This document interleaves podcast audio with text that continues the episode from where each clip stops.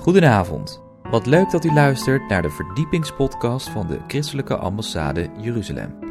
Mijn naam is Joshua Beukers en samen met Bijbelleraar Jacob Keegstra zenden wij weer een nieuwe aflevering uit hoe de Hebreeuwse wortels een verdieping kunnen geven aan ons christelijk geloof. In aflevering 161 starten wij met een nieuwe Bijbelserie van het afgelopen Israël Weekend. Deel 1 gaan wij het hebben over kruispunten. Wij wensen u veel luisterplezier. Jeremia 6, vers 16 staat: Zo zegt de Heer. Ga staan op de wegen en zie. Vraag naar de aloude paden, waar toch de goede weg is, en bewandel die. Dan zult u rust vinden voor uw ziel.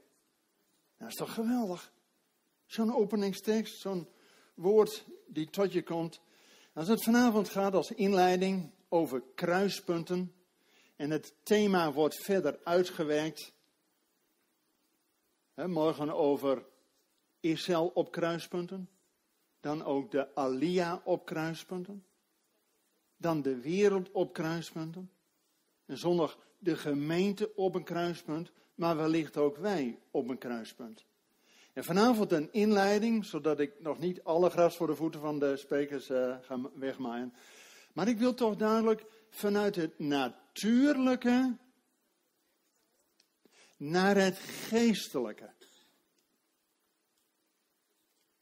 Want in het natuurlijke zien we dingen die echt verschillend zijn. En die heeft vaak een geestelijke oorsprong, maar ook een geestelijke betekenis. Daarom wil ik het vanavond hebben over kruispunten vanuit het natuurlijke, maar ook verwijzend naar het geestelijke. En dat doe ik traditioneel in een drie punten preek. Na de inleiding gaat het eerst over Nederland, dan over Israël en dan uiteraard de toepassing. Nou, eerst over die kruispunten nog als inleiding. Weet u dat het woord kruispunten in het Nederlands vrij statisch is? Het is hooguit een een punt op het kruis. En de meervoud is kruispunten. Maar het is statisch. In het Engels heb je crossing point. Dat geeft al een beweging aan. En u kent misschien ook het verschil tussen Pasen en Pesach.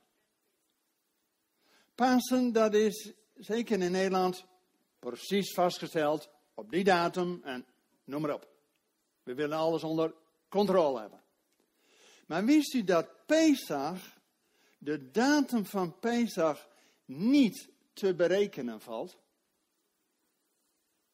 Ja, tuurlijk, in Israël probeert men dat. En dan hebben ze zelfs Pesach op basis van wat God zegt, zon en maan in het voorjaar. Volle maan in de eerste maand het voorjaar, Pesach. Maar wacht even. Er is nog een derde voorwaarde voor Pesach.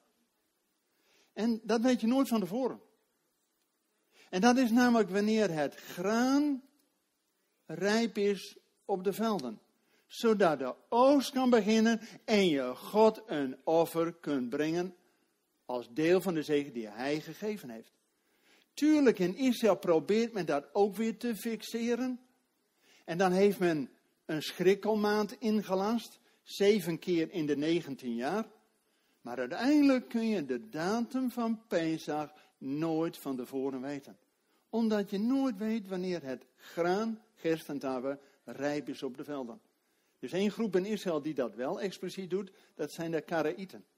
Misschien hebt u daar ooit van gehoord. Maar het punt is, wij willen alles onder controle houden. En God geeft feesten om Hem te naderen, dat we het los moeten laten. We hebben niets meer om in te brengen. Jongens, ook met dit weekend, we kunnen alles voorbereiden, maar het is alleen de geest van God die het moet doen. Wij kunnen alles. Ik kan honderd keer tegen u preken, maar dat daalt niet. Maar weet u, niemand wordt door een preek behouden. Zo.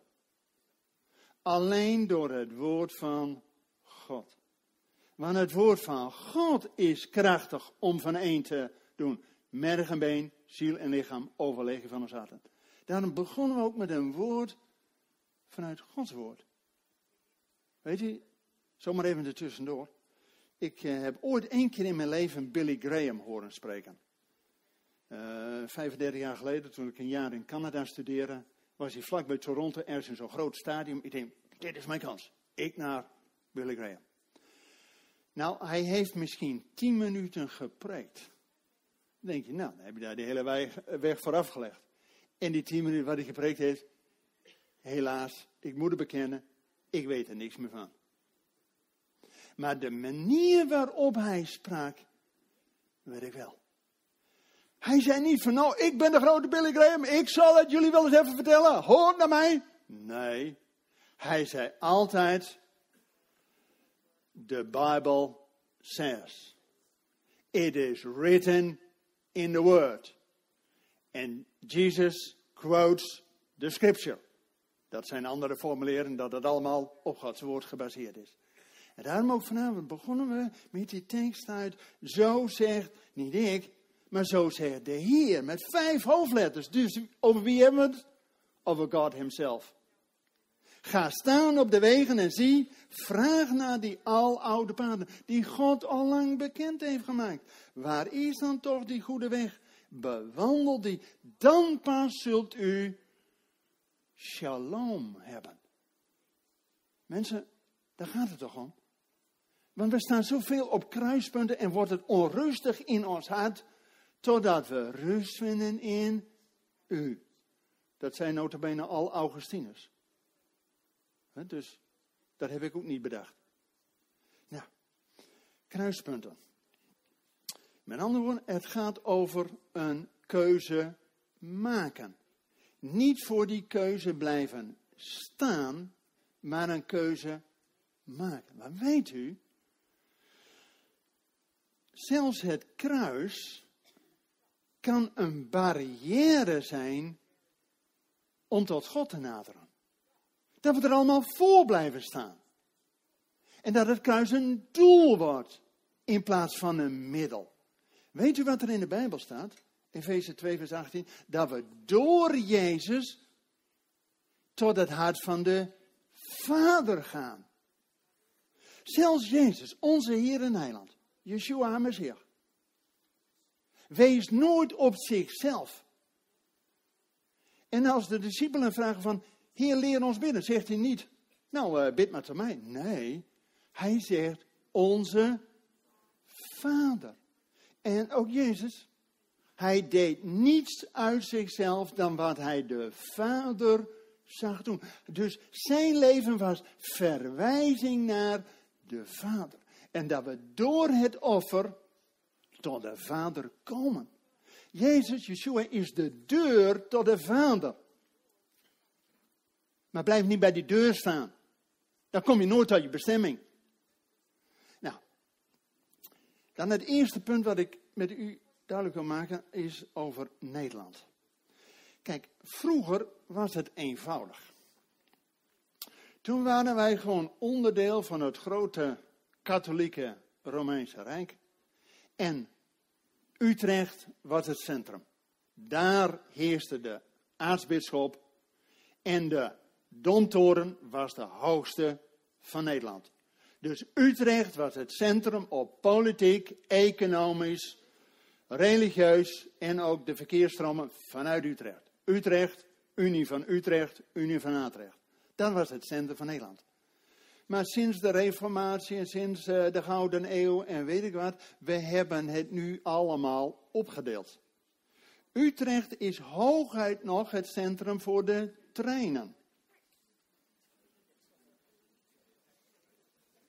Amsterdam is sinds de Gouden Eeuw onze hoofdstad. Omdat daar de economische voorspoed was. Het gewest Holland was rijker dan de rest. Dus die mocht het zeggen, dus Amsterdam bij de hoofdstad.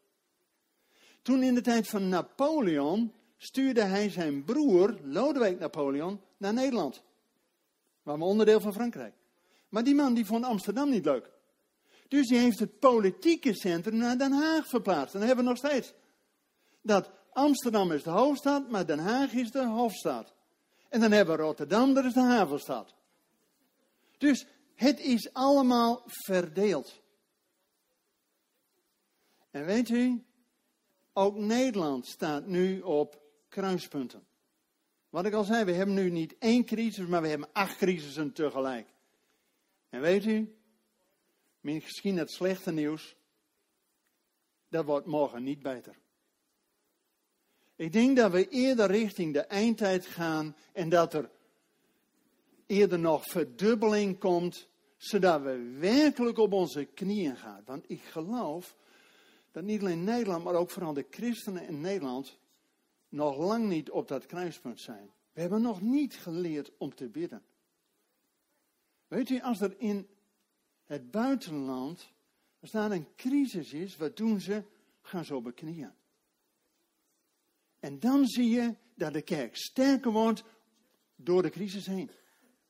Dus ik weet niet hoeveel water er nog door de Rijn moet voordat we werkelijk leren om onze kracht in het gebed te hebben. Dan ben ik zo blij dat de christelijke ambassade sinds corona, en daar zullen we dit weekend nog meer over delen, met een wereldwijd gebed zijn begonnen. En precies aan het begin van de nieuwe maand dat we gaan bidden. En het begon rustig aan met 8 uur en toen 24 en toen. Het is inmiddels 256 uur. En we zijn blij dat we als Nederland ook drie uur daarvan mogen vullen. Notabene op dit tijdstip, nu, vrijdagavond 2 september van 9 tot 10, wordt er vanuit Nederland gebeden voor Israël, Nederland en ook voor dit weekend. Is toch geweldig? Maar als ik dan hoor dat in de Filipijnen men 56 uur non-stop bidt voor Israël, het Midden-Oosten en hun eigen land. Dat de kerken daar in de rij staan om mee te mogen doen. Mensen, daar gebeurt het. Daar is opwekking. Ja toch? Ook Nederland op kruispunten. Maar goed, ik wil graag nog iets ook in het kader van het geestelijke vertellen. Weten dat we in Nederland specifiek ook door cyclussen heen gaan.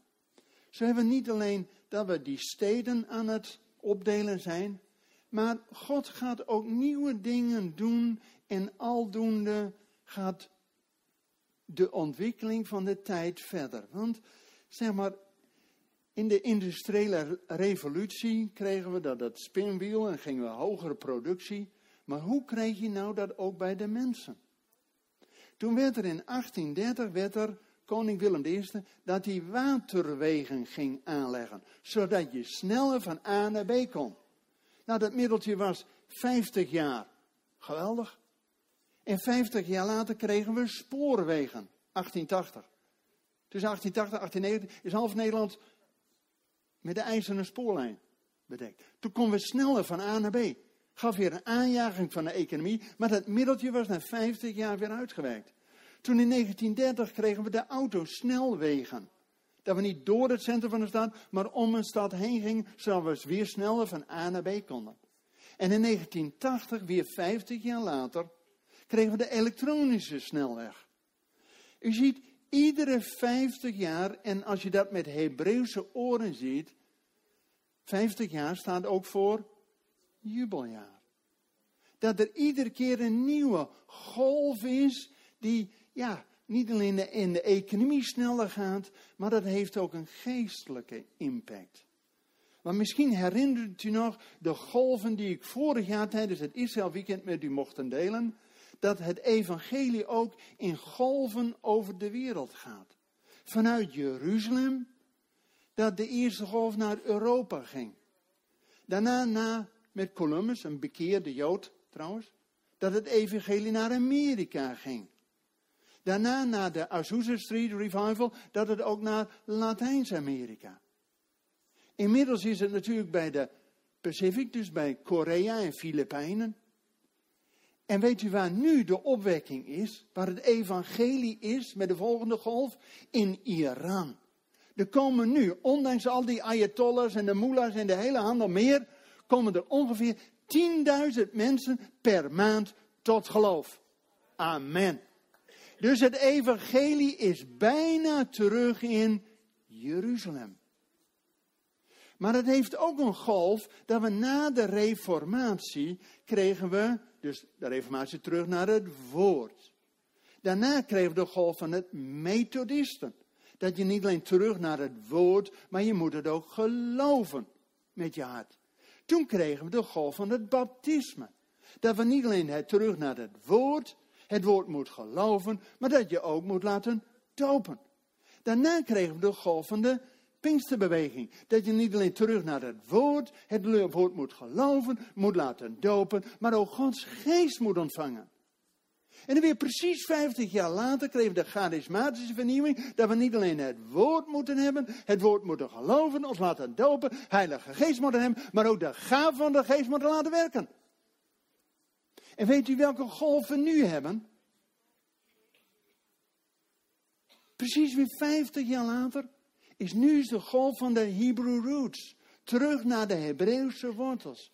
En daarom is ook dat zo'n weekend een stimulans mag zijn om die Hebreeuwse wortels van ons geloof te kennen, zodat we gevoed worden en in deze beweging die wereldwijd gaande is, mee mogen doen. Want God doet dit allemaal, want de dag van zijn komst is nabij. Daarom spoedt alles naar het einde toe. Dus het gaat in die tsunami alleen maar sneller en sneller. En we zullen ook van crisis tot crisis gaan, totdat.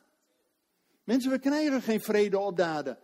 Totdat die vrede vorst komt. En ondanks al die crisissen worden wij opgewekt om heft uw hoofd naar beneden en praat elkaar lekker in de put, want het is een aardse al. Bent u ook zo goed in elkaar zo heerlijk in de put praten? Van, oh, het is helemaal niks. En dan uh, zit die andere, weet je wel, die tegenstander op je schouder. Ah, het wordt toch niks met jou, jongen. Jongens, daarom hebben we net een avondmaal gevierd aan het begin van dat weekend. Want we leven niet onder de omstandigheden, maar we leven vanuit een opgestaande Heer. Amen, elf amen. Ik laat u geen keus. Nee toch? bedoel, als we alleen onder de omstandigheden van depressie tot depressie gaan, dan wordt het niks. Maar God heeft die feesten gegeven om van hoogtepunt tot hoogtepunt een ontmoeting met de eeuwige te hebben. Amen of amen? Amen. En weet u, als we nu ook het tweede punt, om naar Israël te gaan. Weet u, vanuit het fysieke, het natuurlijke, met een geestelijke betekenis. In Israël zijn er drie wegen die noord-zuid lopen. Allereerst de weg langs de zee, de Via Maris. En die mocht Israël niet nemen toen ze vanuit Egypte naar het beloofde land gingen. God liet hen afzwinken naar de woestijn om tot het hart van zijn volk te spreken. Dan weet u wat het op die Via Maris, die weg langs de zee was? dat die farao met zijn legers aan het vechten was tegen de koning van Syrië. En dat was allemaal bij Megiddo, Har Magedon. En God wilde niet dat zijn volk daar tussen kwam, dus eerst naar de woestijn. Om tot het hand van zijn volk te spreken. Dan gaf hij een huwelijksverbond met zijn volk. En weet u, diezelfde weg die via Maris, die via Harmageddon gaat. En dan naar Damascus, Iran en tot China. Die komen we in de eindtijd nog een keer tegen. Want in openbaring 16 staat dat de koningen van de opgang van de zon zullen komen door de Eufraat heen het heilige land in. We zullen nog een strijd krijgen daar bij Armageddon. Maar we proclameren, Jezus is overwinnaar. De tweede weg in Israël is vast ook bekend, die langs de Jordaan loopt. Helemaal van Eilat via de Jordaan naar het noorden, naar Banias, de bronnen van de Hermon. En precies halverwege ligt Gilgal. Weet u, de plek waar Israël met Josia het land inging. Waar later ook koning David vlucht voor zijn zoon Absalom en gaat via Gilgal naar het overjordaanse. En wanneer Absalom gesneuveld is in de strijd en Israël weer roept om zijn koning, dan komt David bij Gilgal en die wacht tot ook zijn eigen stam Juda, Joden, hem welkom heten.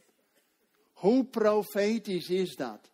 Want met Hebreeuwse oren, Gilgal, horen we de naam Golgol, Golgotha in. Wanneer Juda, de Joden, roepen dat hun koning welkom is, ontmoeten ze hem bij Golgotha. Het kruis. Wauw. En weet u, die weg is nog niet de belangrijkste. Want de belangrijkste weg loopt over de bergen heen. Dat is de koninklijke weg. Die loopt van Hebron, Jeruzalem, Samaria, zo over de bergen. Daar kwam Abraham over. En hij zette zijn tent op tussen Ai en Bethel. En als je in het Hebreeuws de woorden van Ai en Bethel bij elkaar optelt, krijg je het getal van de Messias.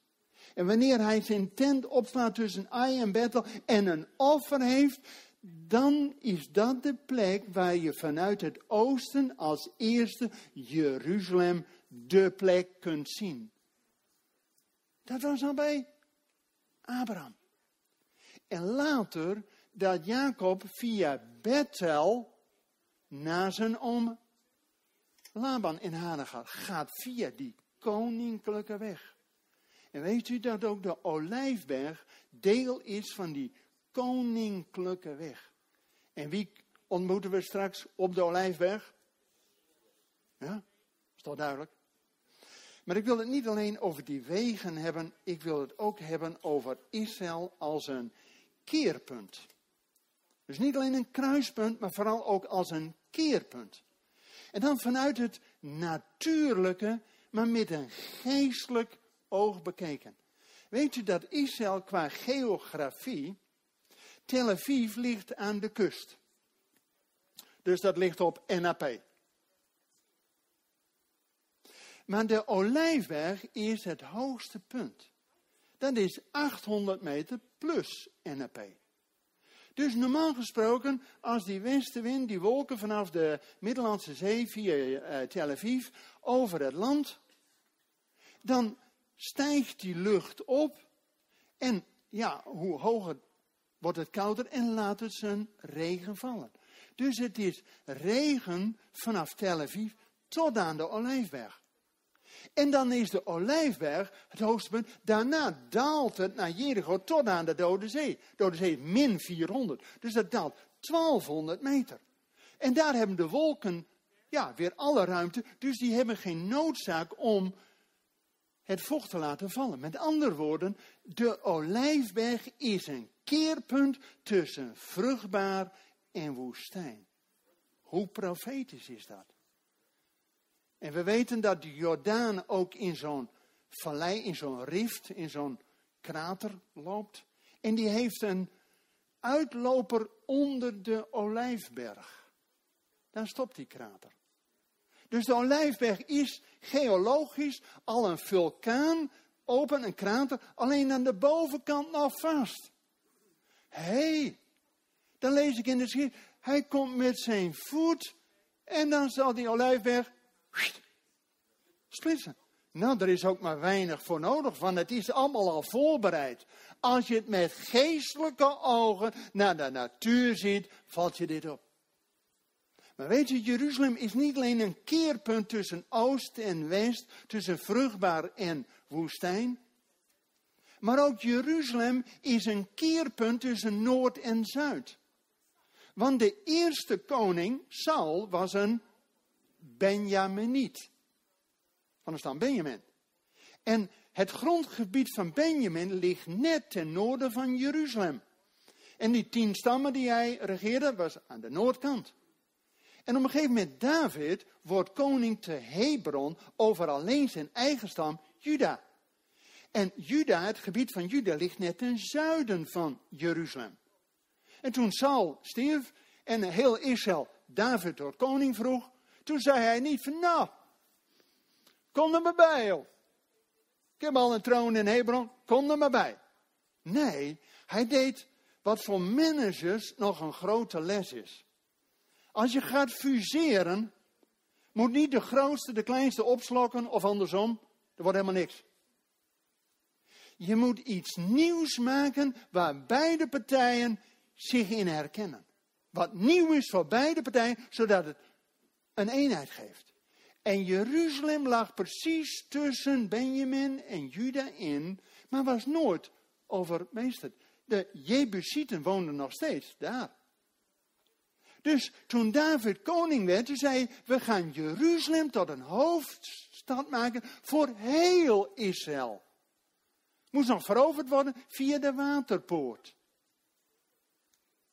Trouwens, David zei, toen de stad veroverd werd, lammen en blinden mogen niet die stad in. Weet u nog? Weet u wat onze koning Yeshua deed? Hij ging aan de noordkant van Jeruzalem een verlamde man bij Bethesda genezen. En die ging aan de zuidelijke kant van de tempel, met Badan van Siloam, een blinde genezen. Dat precies in het tempelgebied, waar Noord en Zuid, waar Bethesda en Siloam bij elkaar komen, dat zelfs lammen en blinden de Heer konden loven en prijzen. Wauw, zo'n God hebben we nou. Ja toch? Dus Jeruzalem is niet alleen een keerpunt tussen oost en west, tussen vruchtbaar en onvruchtbaar, tussen noord en zuid, waar de stammen verenigt. Maar bovenal is Jeruzalem het keerpunt tussen hemel en aarde. Want juist waar die tempel stond en de ark als centrum met het verzoendenksel, is de voetbank van God waar hemel en aarde elkaar raken. En daarom is Jeruzalem zo'n keerpunt. Wauw. Als je erover nadenkt. En dan als we tot besluit, hè, dat als we het hebben, het thema Israël, het centrum van de wereld. Nou, misschien kunt u het zien hiervoor, dat mooie uh, lito. Maar er staat ook als uh, uh, op uw programmaboek. Hè, dat, dat is een cartografie, dat juist ook in onze gouden eeuw in Nederland gemaakt werd. Maar weet u, Nederland was heel goed in kaarten maken. Uh, wie kent trouwens nog uh, dat programma van de AVRO zondagmiddag om 1 uur van meester GBJ Hilteman? Ja, de toestand in de wereld. Nou, die had het altijd over het rode gevaar. En dat was in die tijd, het rode gevaar. En om dat te illustreren had hij een kaart bij zich. Maar dat was dus niet deze, waar Jeruzalem in het midden is. Maar dit was, was een kaart, wat, dat heet dan in termen de Mercator-projectie. En die is vanuit de Noordpool. En dan is Siberië is niet sowieso al groot. Maar als je het vanuit de Noordpool, dan is Siberië kwadratisch groot. Dus als je dan duidelijk wil maken aan de nietsvermoedende lezer en kijken, oh, het Russische gevaar. Nou ja, dat was duidelijk, hè. Siberië was al zo. In Nederland, nou, die kon je niet eens vinden. En daarom ben ik blij, en dat hebben we ook als logo voor dit thema, dat op deze kaart, dat de drie zonen van Sem, Gam en Javed daar zijn afgebeeld. Sem, de Semieten, dat is dus Israël en de Azische volken. Javed, dat zijn wij, de Europeanen. En Gam, dat zijn de donkere mensen uit Afrika. Dus Sem, Gam en Javid, Azië, Europa, Afrika. En dan precies Jeruzalem in het centrum. Mensen, zo'n kaart is al profetisch. En als we weten, en ook als thema, Israël het centrum van de aarde met een vraagteken. Nou, zo'n kaart zegt al genoeg, maar dan is Israël niet alleen het centrum, maar dan is Jeruzalem het centrum van Israël. En het centrum van Jeruzalem is de Tempelberg. En het centrum van de Tempelberg is de tempel. En het centrum van de tempel is de ark. Met het verzoendeksel waar hemel en aarde elkaar raken. Waar de voetbank van de eeuwige is. Wauw. Mensen, en wij staan voor het aangezicht van de eeuwige. En dat we door Jezus met vrijmoedigheid tot die troon van genade mogen komen. Wauw, denk je dat eens in? Wij, zondige mensen. Jongens, dat we door Yeshua voor de troon van de Almachtige mogen komen. Waar hemel en aarde elkaar raakt. En ook als toepassing vandaag wil ik toch één tekst met u lezen uit Romeinen 11. En dat gaan we straks ook doen. We willen niet alleen een toespraak aanhoren, maar we willen ook graag u meenemen in de beweging en juist ook in gebed. En als we straks ook gaan bidden voor Israël, dat kan natuurlijk niet zomaar. Zelfs de hoge priester kon niet zomaar voorbeden doen voor zijn volk. Hij moest eerst de tempel in om reiniging voor zichzelf en zijn gezin. En dan pas stond hij in de bediening om te bidden voor zijn volk. En als wij ook opgeroepen worden met die kruispunten, weet u, dan wil ik één tekst met u lezen, Romeinen 11, vers 15, waar staat, want als hun verwerping verzoening voor de wereld betekent. Mensen, wij zijn de boodschap van verzoening hebben door Israël gekregen. En dan nu. Wat betekent dan hun aanneming anders dan leven uit de dood? Wauw. Daar willen we graag dit weekend over nanemen. En zullen we eerst ook een tijd van gebed nemen voor onszelf. Dat de weg tot de Vader die gebaand is door Yeshua, dat we niet blijven staan, maar dat we de weg bewandelen. Mag ik u volgen in eerst een kort gebed? Vader in de hemel, het openen van uw woord verspreidt licht. En vader, we hebben zo de inwoning en de doorwerking van uw Heilige Geest nodig om te weten hoe laat het is. Heer, en als we op kruispunten staan en dat in de wereld zien, Heer, dan willen we eerst voor onszelf. Dat het in het reine is met u. En u biedt aan vergeving, verzoening, reiniging en door de geest zelfs heiliging.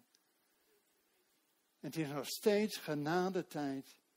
En de beek Gods is niet uitgedroogd, maar is vol water. En ook Jezus zegt vanavond tegen ons, wie dorst even komen tot mij en drinken. En een bron van levend water zal uit uw binnenste komen.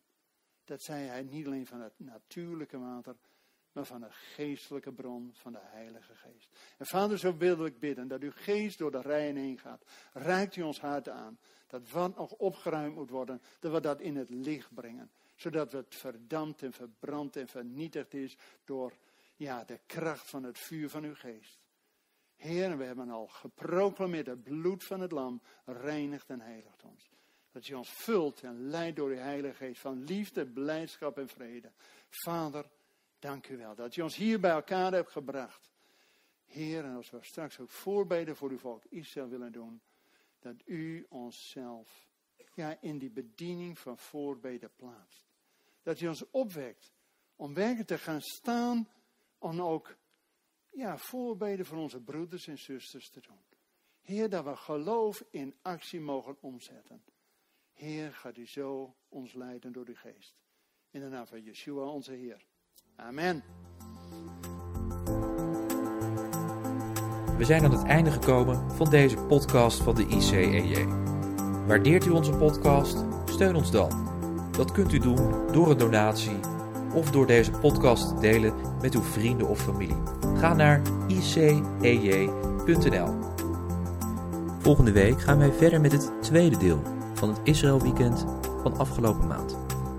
Ik hoop dan dat u wederom naar ons gaat luisteren. Bedankt voor het luisteren en tot volgende week.